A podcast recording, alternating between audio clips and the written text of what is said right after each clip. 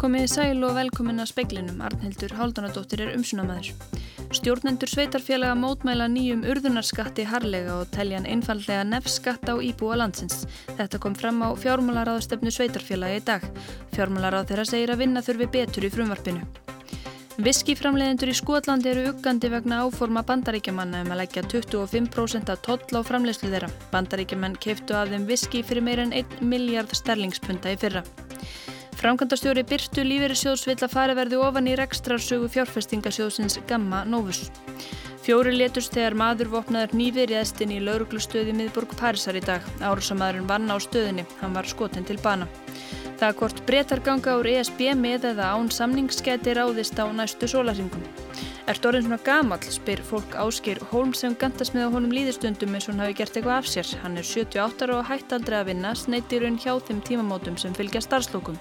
Og aðeins eitt íbúðarhús er kynnt með óli á höfuborgarsæðinu. Eigandin segir að borgin vilji rífa húsið og neitunum um hitaveitu. Stjórnendur sveitarfélagana eru ósáttir við frumvarpum urðunarskatt og hafa áhyggjur af því að hann verði nefskattur á íbúa.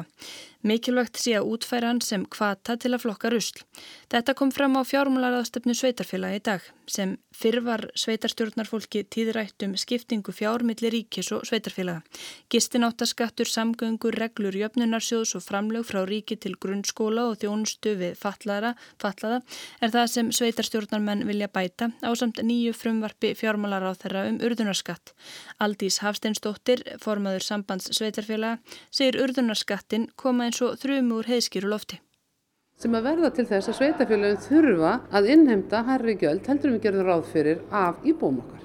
En á meðan að urðunarskatturinn er ekki, og það er ekki möguleiki að útfæna þannig að hann falli misjam til á heimilum eftir því hversu duglegur þú ert að flokka, þá er þetta ekkit annað en F-skattur sem kemur ekki til með að hafa þau áhrif sem húnum er alltaf að gera.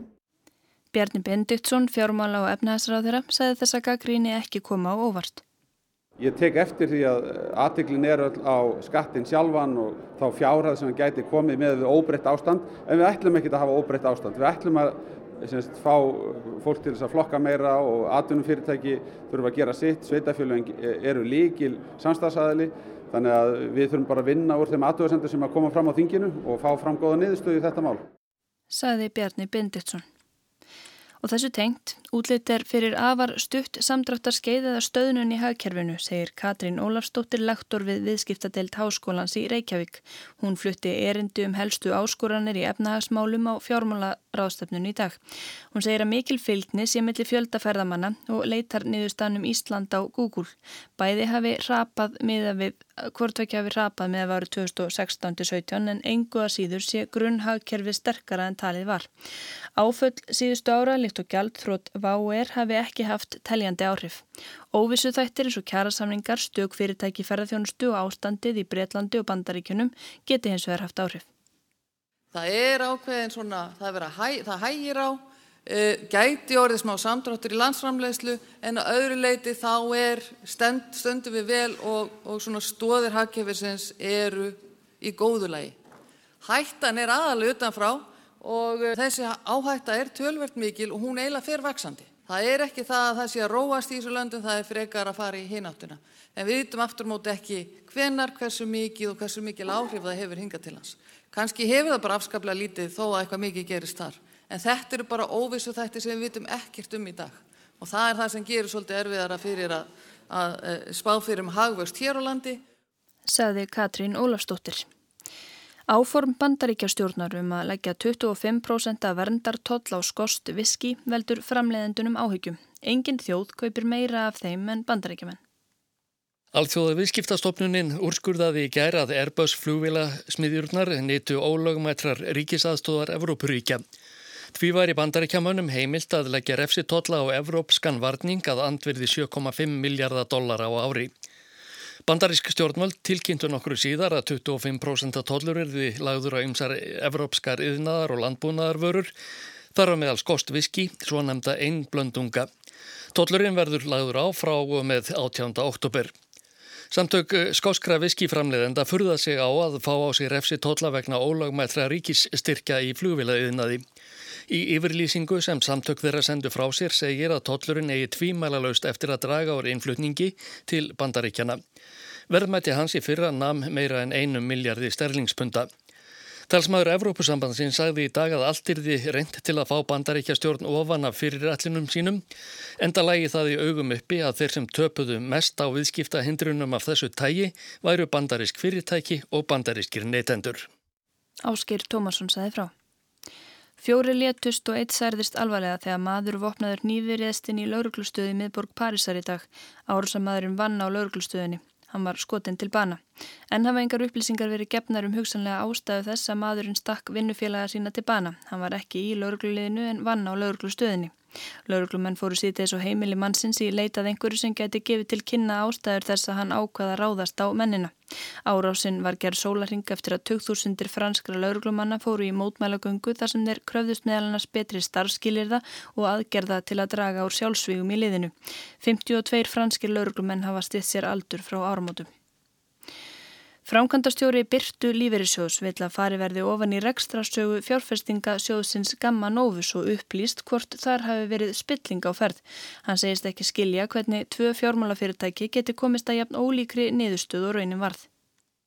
Tryggingafélag og líferisjóður er á meðal þeirra sem hafa tappað 100 miljónum króna vegna endurmats á fjárfestingasjónum Gamma Novus. Samtals hafa tryggingafélagin tapar yfirlega 600 miljónum. Í háttegisfrettum var rættu framkvæmdastjóra lífeyrissjóðs Vesmanea en tapsjónsins nefnur ríflega 150 miljónum. Egn lífeyrissjóðsins Byrtu var skráð 367 miljónir krónum áramót en er nú 4 miljónir. Ólafur Sigursson, framkvæmdastjóri Byrtu, segir málið með ólíkindum. Við gerum bara fastlega ráð fyrir því að þeir sem reyka sjóðin í dag muni fara yfir rekstra sögu þessar sjóðus. Það er varðveislu skilda á bókaldskögnum í sjö ár og við bara ætlumst til þess að okkur verði svarað á trúverðu án hátt að það hafi engin spilling verið þarna. Við höfum enga ástæða til að ætla að það hefur verið þannig en við viljum bara því verið svarað fyrst af öllu. Fara þurfi yfir þær bókaldsaðferðir sem notar voru til að meta eignirnar. Og það eru þetta alveg sjálfstætt mál hvernig er hægt, hvernig tvö fjármálafyrirtæki geta komist að svona óbúslega mismunandi niðurstöðu. Ólafur segir beina fjárhagslega hagsmunni byrtu í málinu nema 130 miljónum króna sem sé hverfandi með að við að heildaregna sjósins nemi 414 miljardum. En þetta er einhvers síður fjárhæð sem skipta málu og þetta var það trúverðuleika markaðarins að þeirra að vera verðmeta eignir að þá séu það rétt metnar. Magnús Geir Ejjólfsson rætti við Ólaf Sigursson.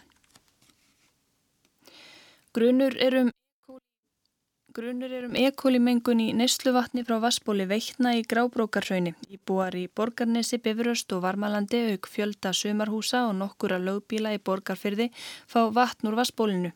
Endanleg niðurstaða um hvort vatnið er mengað fæst á morgun. Þótt aðeins í um grunaræða mælast veitur til þess að fólk á svæðinu sjóði neysluvatni í öryggiskinni þánga til önnur tilmæli berast. Sjóða þar vatnið í að minnstakosti eina mínútu. E. coli gerlamengun er alvarleg og getur valdið slæmum síkingum engum hjá þeim sem eru viðkamir fyrir. Þar með talin eru börn og eldra fólk en á heilsugesslunni í Borgarnesi er ekki vitað um staðfest tilfelli magakveisu. Mál þryggja sagbortninga í fíknefnamáli sem játað hafa sög hafa verið klófin frá málum annara sagbortninga sem ákerðir eru í fleiri ákerðulegum. Sakborningarnir þrýr hafa játað þátt sinn í kannabisframleðslu í útihúsi við Bóndabæ á Suðurlandi. Fyrirtaka var í máli þeirri dag. Þar voru lögð fram gögn og málið að því loknu lagt í dóm. Næsta skref er uppkvæðning dóms yfir sakborningum. Þau þrjú sem hafa játað sög eru ákjær fyrir fíknefna framleðsli í Þykvabæ. Þar fundust 206 kannabisplöndur, 112 grömm af kannabisstönglu og rúmlega 800 grömm af marihuana. Hinnir þrýr sagbortingarnir eru líka ákjæri fyrir þá framlegslu. Síðan nefndu sagbortingarnir eru að auki ákjæri fyrir stórfælda amfetaminsframlegslu í sumarbústaði í borgarfyrði. Þar fundust 8,6 kíló af amfetaminni. Máli á hendur síðan nefndu sagbortingunum verður haldið áfram fyrir hérastómi Reykjavíkur. Þreminningarnir sem eru ákjærið fyrir framleiðslun á Suðurlandi en ekki í borgarfyrði játuð sög við þingfestingu málsins. Sagsóknari krefst eins árs fangelsistóms yfir þeim. Hínir sagbortningarnir tóku sér frest til að svara ákjærunni. Tveir þeirra hafa áður fengið margra ára fangilsistóma fyrir fíknefnabrót. Það eru þeir Alvar Óskarsson og Einar Einarsson sem voru sagfeldir fyrir sinn hlut í pólstjórnumálinu til raun til umfangsmikils fíknefnasmikls með skútu árið 2007. Lögreglar ansaka peningaþvætti sem talið er tengjast fíknefnaframleslunni. Brynjólfur Þór Guðmundsson segði frá.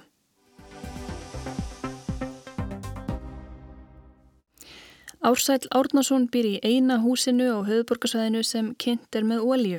Húsið stendur í miðri Reykjavík og húsið er líka líklega það eina þar sem rafmagnið er tengt úr rafmagsstaur sem stendur fyrir utan húsið. Ég veit það ekki alveg nákvæmlega en það er mjög mikla líkur á því. Segir Ásæll Árnason þegar hann er spurður af því hvort hann búi í eina íbúrhúsinu sem kynntir með ólíu á höfuborgarsvæðinu.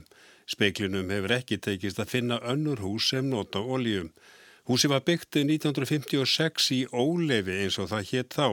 Það stendur sunnan megin við höfðabakkabrúna. Jóhann bróðir Ásæls sem lést í fyrra keifti húsið 1974 og bjóð þar fyrst. Þeir bræður byggu svo þar saman og það er eðlert að spurt sér hvers vegna húsið er kynnt með oljum. Vegna þess að ég fæ ekki hitaveitu hingað, segir Ásæl. Og það hefur allast strandað á því og búið að vera að reyna það í mörg ára að reyna að fá hitaveitu í þetta hús. Og hverju neyta því og hvers vegna er því neyta? Borgin neytar því, orkuveita neytar því, það eru þeir sem ráða. Ásæl færðu svöra þannig að nota rafmang til að kynntu upp húsið en hann er ekki tilbúin til að samþekja það. Það kostar um mikið. Það þarf að skipta um rækkerfið í húsinu, töfluna og mælana og svo þarf ég náttúrulega að kaupa alla rammarsamluna líka. En er ekki líka dýrt að nota óljuna? Sjálfsagt er það. Það, það, það eikst alltaf kostnæðurinn í því. Færð þú einhver styrk eða er þetta niðugreitt? Nei, já sko náttúrulega þetta er náttúrulega vélarólja Hún er náttúrulega ódýrar heldur en það sem við höfum að nota bíla. Þetta er lituð og líka svo kallu. Málið er aðeins floknara þegar kemur að því að leggja hýtavitu í húsið. Hýtavitu stokkurinn er ekki langt frá húsinu þannig að það ætti að vera tiltölulega einfalt mál. Ásall segir að borgin vilji rýfa húsið. Nei, neytunin fælst í því að þetta hús eigi ekki vera hérna. Það er að rýfa það. Málið er það að borgin villi ekki hafa þetta hús hérna. Og það, það er skýringin af því að þú ferð ekki, ekki hitta veitu hingað? Öllin líkindum. Krafa borgarinnar er að húsi veri rifið en kemur ekki til greina að fallast á það og flytji hús sem er með hittaveitum. Hann bendur á að hús hafi verið rifið hinnum með við göttun á sínum tíma. Ekki sem þar bjó átt ekki fyrir því að gera við þakki vegna þess að það var svo dýrt. Vertakarnir ætlaði að taka 2 miljónir þá, það er nú orðin daldi mörg ár síðan geti verið allt upp undir 8 eða 10 ár og hún vildi fá einstaklisýbúð í blokk. Og hún gæti ekki keft einstaklisýbúð í blokk fyrir peningarna sem hún fekk fyrir húsi Og þú ert í sömur stöðu? Alveg öruglega Það vekur fyrðu margra að ensi hús í Reykjavík eða á höfuborgarsvæðinu sem er kynntir upp með óljum ársætlir yfir upp sögu af síni sínum. Svonu minn var að keira rútu og var að gera ferðamenn og gætin var náttúrulega útskýra fyrir ferðamennunum að Reykjavík væri kynnt öll með heitu vatni. Þá greif sónum minn oft fram í fyrir þeim og sagði að það væri ekki rétt í að faði minn á heima inn í miðri Reykjavík og hann kynnti mér á olju þá vildu þeir helst að hann hætti að tala. Ársætlu og bróður hans sem lést í fyrra eru þekkti fyrir að gera upp gamla bíla Þegar að speilin Baragarði var ásalla púsa upp og slípa botti af Ford 55 ranns vakon. Hann hefur óbyrlandi áhuga á bílum. Uppáhaldsbílin hans er Oldsmobile Árgeir 56. Hann hefur gert hann upp fimm sinnum. Fyrir utan húsi má sjá margar gamlar glæsikerur. En þar blasir líka við ramastur. Frá honum líkja raflínur í lofti yfir í húsið. Við erum hérna fyrir utan og þú talar um að vera dýrt að tengja rafmagn og þú þurfur að skipta um allt rafmagn en er það ekki sérstakt að rafmagnið þetta hús er tengt ja, með rafmagsstöyrum? Jú, það er ábyggilega mjög fátíkt orðið að það sé. Þetta hús er náttúrulega bara tengt í ljósastörinu eins og sér. Og það var til skamstíma líka þannig með síman? Já, sími var líka henni í loftinu. Þangarlega síminn var seldur, þá hunsku við til að grafa hann í jörðu. En annars var bara vandraði alltaf á vetunar.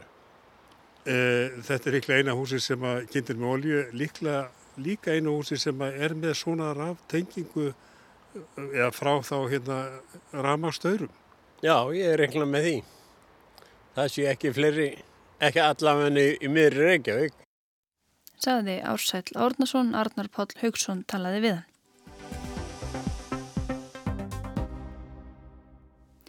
Með nýjum tillögum um útgöngusamning tilur breska stjórnin sig sína samningsvilja eins og Boris Johnson forsætsræður að breyta laði áherslu á í dag.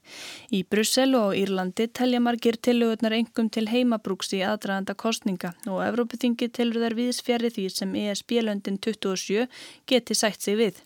Leo Varadkar, forsættisráð þeirra Íra, segir forsættisráð þeirra tvísaga um opinn landamæri og tillögurnar. Donald Tusk, forsætti ráð þeirra ráðs ESB, saðist í dag tala telja tillögurnar ósanfærandi. Heima og heiman heyrist að Johnson stefni á að Evrópusambandið hafni tillögunum. Þannig slíti ESB samningunum Þannig slíti ESB samningunum en ekki hann. Framvindan næstu sólarhinga mun hugsanlega ákvarða hvort breytar yfirgefi ESB með samning eða ekki. Fyrst kom flokksþingsræðan í gær með almennum útlínum um hvernig breska stjórnin ætlaði að semja við Evrópusambandið um útgöngu. Rétt og eftir komu sjálfar tillögurnar um útgöngusamning við ESB. Undirtektirnar í Bryssel eru dræmar, án þess neitt vilji þó hafna tillögunum strax og láta þannig líta út eins og samningsviljin sé engin. Boris Johnson, forsætsræður að breyta, verðist bjart sín á samþykki norðuríska sambandsflokksins Ulsters sem margir híkandi flokksbræð Johnsons í íhalsflokknum telja að verði að samþykja komandi samning. Ulsterflokkurinn samþykti aldrei útgöngusamning Theresa May, forvera Johnsons. Michael Gove stýrir útgönguferlinu á vegum forsætsráðra. Gove telur að þrátt fyrir að stjórnin hafi ekki meira hluta, gæti hugsalega náðst þing meira hluti fyrir samningi þessa veruna því nægilega margir þingmenn stjórnaranstöðunar gætu stuttan. Johnson fer því í ferlið með öðrum hætt en mei sem samti fyrst við ESB en mistóst í þremur atrennum að afla samningnum þing meira hluta. Ef fórsætsráþara geti verið vissum stuðning þingsins við sinn samning væri einni hindrun ruttur vegi sem er vantrú ESB á að það sé yfirleitt hægt að fá breska þingi til að styðja útgöngusamning. Þráttur í bjart síni fórsætsráþara og góð er þing meir hluti fjarið því treyður. Bjart síni er bragð sem stjórnin beitir nú sem mest fyrir sig án þess að það veri full innstæða fyrir henni hinga til Þráttur í bjart síni hefur fórsætsræðura orðið undir í öllum atkvæðagreislum í þinginu hinga til, auk þar sem hæstiréttur dæmdi gegnunum í málu um þingli. Eftir sem áður er það írska lausnin sem allt snýst um. Í nýju breskutillugunum eru 80 blaðsýður í samningi mei skortnar niður í 17. Fyrstu viðbröðin frá Bryssel benda til að þar þykjum önnum nýja útfærslan snöydleg. Lengdin skiptir ekki máli, heldur það sem vantar. En af hverju er þessi írska löst svona erfið? Kjarnin í friðarsamningnum á Norðurírlandi frá 1998 eru opnu landamærin. Þau eru svo mikilvæg að því þannig var komist fyrir eina ástæðuna fyrir áratuga átökum þarna að fólk skilgreindi sig eftir því hvernig landamærin lágu. Með opnum landamærum er síður ástæð til að fólk líti á sig sem breytt eða íra og því eru opin landamæri leikilatriði í friðiðarna. Útgöngusamningurinn tekur til fyrirkomulagsins þegar fyrirhugaður byggtími eftir umsamta útgöngu ætti að ljúka, það er í lok næsta árs. Tillögu Johnsons fela í sér að allt Breitland og þá einnig Norðuríland fari úr tollabandala í ESB sem þýtti þá landamæri og meðfylgjandi landamæragestlu. Johnson telur sig hins vegar koma til móts við ESB og opin landamæri með því að viðskipti með yðnarvörur og matvæli þar með talda landbúnaðvörur fjalli undir ESB-reglur auk lausari lovorða um tottskoðun með öðrum hætti en við hefðbundna landamæraskoðun. Johnson verðist fá úlsterflokkin til liðs við sig með lovarðu um að þetta þyrti norðríska þingi í stormótað samþykja fyrir ársloka næsta ári og síðan endur nýja þann samning fjörða hvert ár. Þetta er þó ekki alveg meittlaði stein, jáfnvel þó Stormont hafni þessu skuldbyndi bæði brettar og ESB sig til að hafa landamærin opin og án tólskoðunar. Opinber viðbröð í Brussel er að þetta veri skoðað. Michel Barnier, aðalsamningamadur ESB, er þó saður hafa bent strax á að þarna sé ESB komið upp á náð Stormonts og það kom ekki til greina. Líó Varadkar, fórsætsaðra Íra, segir að Tilo Johnsons virðist ekki uppfylla tilgang írskulustnarnar og það sem Írar segja og það sem Írar segja vegur þungt í ESB. Vandin með aðkomi Stormont er einnig að þingið hefur ekki starfað undan farin ár vegna ríks og átaka og ekkert sem bendir til að svo deila sé að leysast. ESB telur einnig að útgöngusamningurinn sé millir breyta og ESB, ekki ESB og einstakra hluta Breitlands. Aðkoma þingsins í Stormont virðist við nýhindrun ekki leið til lausnar. Tilugur Johnsons vekja tortrygni því þær brjóti innri einingu ESB sem ESB get ekki samþeitt. Þar með falli samningur og afstöðu ESB. Ef Johnson stefnir á samningslösa útgöngu, sem þó var ekki brettum að kenna, væri þetta einn leiðin. En verður þá útganga án samnings 31. oktober? Það eru lög sem hindra það, en fórsettraðra lætur sífælt í veðri vaka að hann viti um leið fram hjá þeim. Sigrun Davidsdóttir saði frá.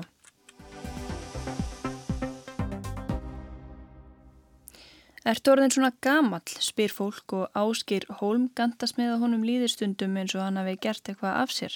Hann er 78 ára og hætt aldrei að vinna, sneitir raun hjá þeim tímamótum sem fylgja starfslokum. Hann vinnur hjá húsasmiðunni í Hafnafyrði en þar hafa stjórnendur ráðið og haldið í reynslu mikið fólk. Speilin ræður á næstunni við nokkra eldri borgara um lífið eftir 67 ára amalið. Ég heiti Áskir Hólm er 78 ára gammal vinn við hjá húsasminni Hafnarfjörði við að selja málingu og, og þess áttar efni. Og ert búin að gera lengi? Búin að vera þar í 20 ár. Í hvaða starfslutfalli ertu núna? E, ég held að ég, ég reynda að vinna þrjáta í viku. Ég man ekki hvaða hvaða prosent það er og, svo hleypi inn eða eru veikind eða eitthvað svona þá er ringt í mig og þá bara mæti maður og berga málun. Þú talar um að væri komin á enn aldurinn. Já. Getur útskýrt það þess? Já, menn segja stundu sko, er, já, ertu, ertu enn að vinna? Og það líkum að segja sko, ertu enn þá að fara að fæta á mótnana? Og ertu, ertu að það anda og svona? Ertu enn að, enn að mæti rættina? Og... Já, eitthvað svona sko. Er fólk þá ekki líka rósaði fyrir hvað þú er duglegur? Ertu, ertu bara enn lifandi nána sko. Já. Og hvað finnst þér um, um þessar spurningar? Þessar enn spurningar? Æ, þetta er bara svona, víst, maður, maður er ekki að sjá svona lögur en maður hefði, það er svolítið gaman að stundum menn að segja sko, menn að segja já þú er svona gamal sko, þá hefur maður til mér í byttu, hvað hva geði ég af mér? Hvað klíkaði ég að vera svona gamal ég hlýtti það bara, veist, tekið ranga beigju einhverstöðar og þá segið við hérna fólk sko, þú náttúrulega gerir ekki, þú gerir alltaf ráð fyrir því þú verður aldrei gamal Fyrst er að skilgreina þig í samskiptum við eins og vinnufélaga sem eru kannski sko uh, á þrítusaldri finnst þér þeir skilgrana þig kannski engungu út frá aldrinu? Það er búin að mísjönd. Oft er það bara svona sagt í gríni bara svona til þess að veist það.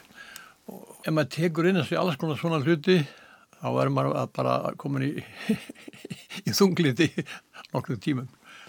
Þegar þú varst svona nálgast 67, Já. Eh, þegar þú varst að nálgast þann aldur, eh, varstu bara staðræðan í því alltaf að halda áfram að vinna?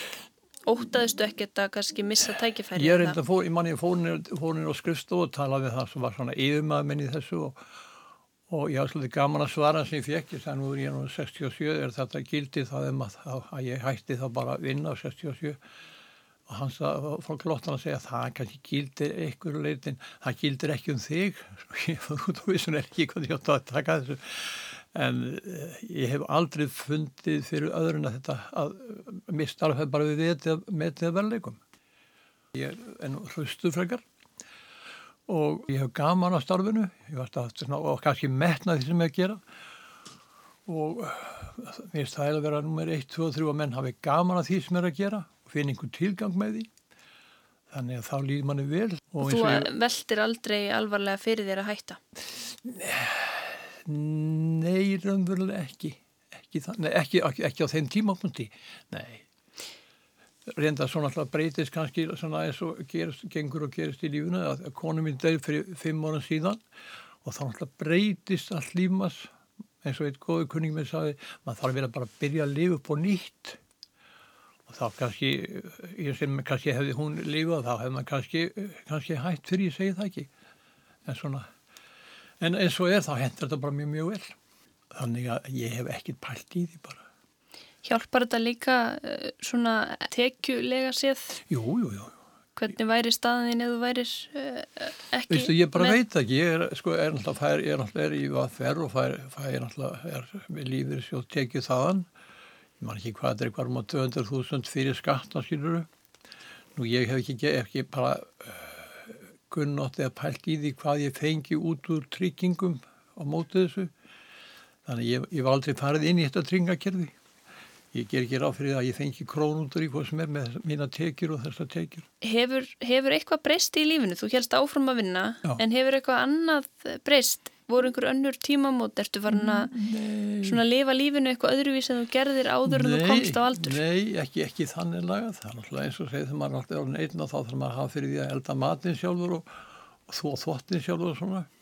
Svona, svona nýttli hlutir sem eru kannski stóru hlutir í, í samenginu sko. Já en þetta þessi kannski krísa sem að sumir upplifa þegar þeir hægt að vinna og þurfa svona að finna sína fjöli í lífinu, þurfa að búa til nýtt skipula, nýja rútínu Já. Þú hefur kannski ekki staðið frammi fyrir því uh, svona tengt starfi Nei, ég hef svona, sko ég, ég býn nú í, í, í, í gamlu húsi verðurlega húsi í Hafnafjörði og ég hef alltaf nóg að gera og eins og strákur minn sagði með það, er pappin alltaf eitthvað að vesenast? Já, pappi er alltaf eitthvað að vesenast og ef hann hefur ekki eitthvað að vesenast þá finnur hann eitthvað til að vesenast í. Þannig að nummer 1 og 3 er að vera bara eh, sko, hvernig skilgreinur á því, hvernig skilgreinur á því að slappa af? Er það að slappa af að líka upp í rúmi og glápa út í loftið eða vera að gera eitthvað í höndunum? Ég slappa, mest, ég slappa mest af vera að gera eitthvað einhver ráð til fólk sem, að, sem vil halda áfram að vinna er þetta bara, snýst þetta um að vera heppin með, með eh, aðtunreikanda eða, eða ég held að, er, ég held að hljóta að vera skipta miklu máli að vera í, í, í aðtunreikanda sem að hefur skilning á, á hvað, hvað þú er fram að færa í reynslu. Ég er ekkert að setja þetta umt fólk og eins og ég er stundur satt menn komað til að segja þessi, þessi, þessi, þessi piltur og þessi stúlgata og hún seldi mig þetta og þetta hún er bara að gera tóma vilt, hún kann ekkert og þá segi ég yfir þetta fólk þá er það mér að kenna þá er ég ekki búin að kenna henni nóg, það er mér að kenna og veit ekki, það fæðist engin inn í þetta. Og þá má ekki rakka nýr umt fólk, það hefur ekki reynslu og það þarf að læra. Og þá má bara segja að þetta er ungum maður, þá veit hann ekki það er alls ekki rétt. Þannig að þú upplifi líka fólk kannski sem er með fordum og hvort unga fólkinu vinnustar og það leita til þín. Í, í svona starfi þar sem fólk nú að koma svona, veist að, koma að segja do it yourself eða er, er, þá er fólk náttúrulega að leika eftir, eftir ákveðin svona reynslu. Og það hefur átt vantrú á því að meina, þú ferðin í búð og spyrir 17 úrling hvernig á ég að gera þetta og þetta og þetta? Og það er ekki eðlert að 17 úrlingu viti þetta, ekki einhver hafi kent hann það, hann fæðist ekki með þetta. En eh, finnst þið mikilvægt þá að fólk hafi val og geti valið annarkvort á að hætta eða, eða halda áfram að vinna? Mér finnst það, en það náttúrulega er nú kannski þessi, þessi umræða um, um þessar skerðingar á öllu dóti sem kannski verður til að svönd fólk neyðist kannski til að vinna lengur hendur að vildi. Það finnst mér að vera svolítið, eh, já, björn mjög vondmál saði Áskir Holm. Það var meðal efnis í speklinum í kvöld að stjórnendur sveitarfélaga mótmæla nýjum urðunarskatti harlega og tælja nefskatt á íbúa landsins. Þetta kom fram á fjármálaráðstöfnu sveitarfélaga í dag. Fjármálaráð þeirra segir að vinna þurfi betur í frumvarpinu. Viskiframlegendur í Skotlandi eru uggandi vegna áforma bandaríkjamanna um að leggja 25% af toll á framlegsluðira.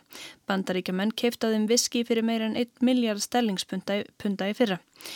Frangatastjóri Byrtu Lífeyrisjós vil að fari verði ofan í rekstrarsögu fjárfestingasjóðsins Gamma Novus og aðeins eitt íbúðarhús er kynnt með ólí á höfðborgarsæðinu. Eigandin segir að borgin vilji rýfa húsið og neitónum um hitaveitu. Veðurhorfur á landinu til miðnættis annað kvöld, strekkings eða all kvöss suðaustanátt sunnan og vestalands með regningu en gengur í suðaustan kvassviðri eða storm suðvestalands á morgun. Annars hægari og þurfta mestu mildi veðri. Það er ekki fleira í speikli kvöldsins. Tæknumæður í útsendingu var Mark Eldredd verið sæl.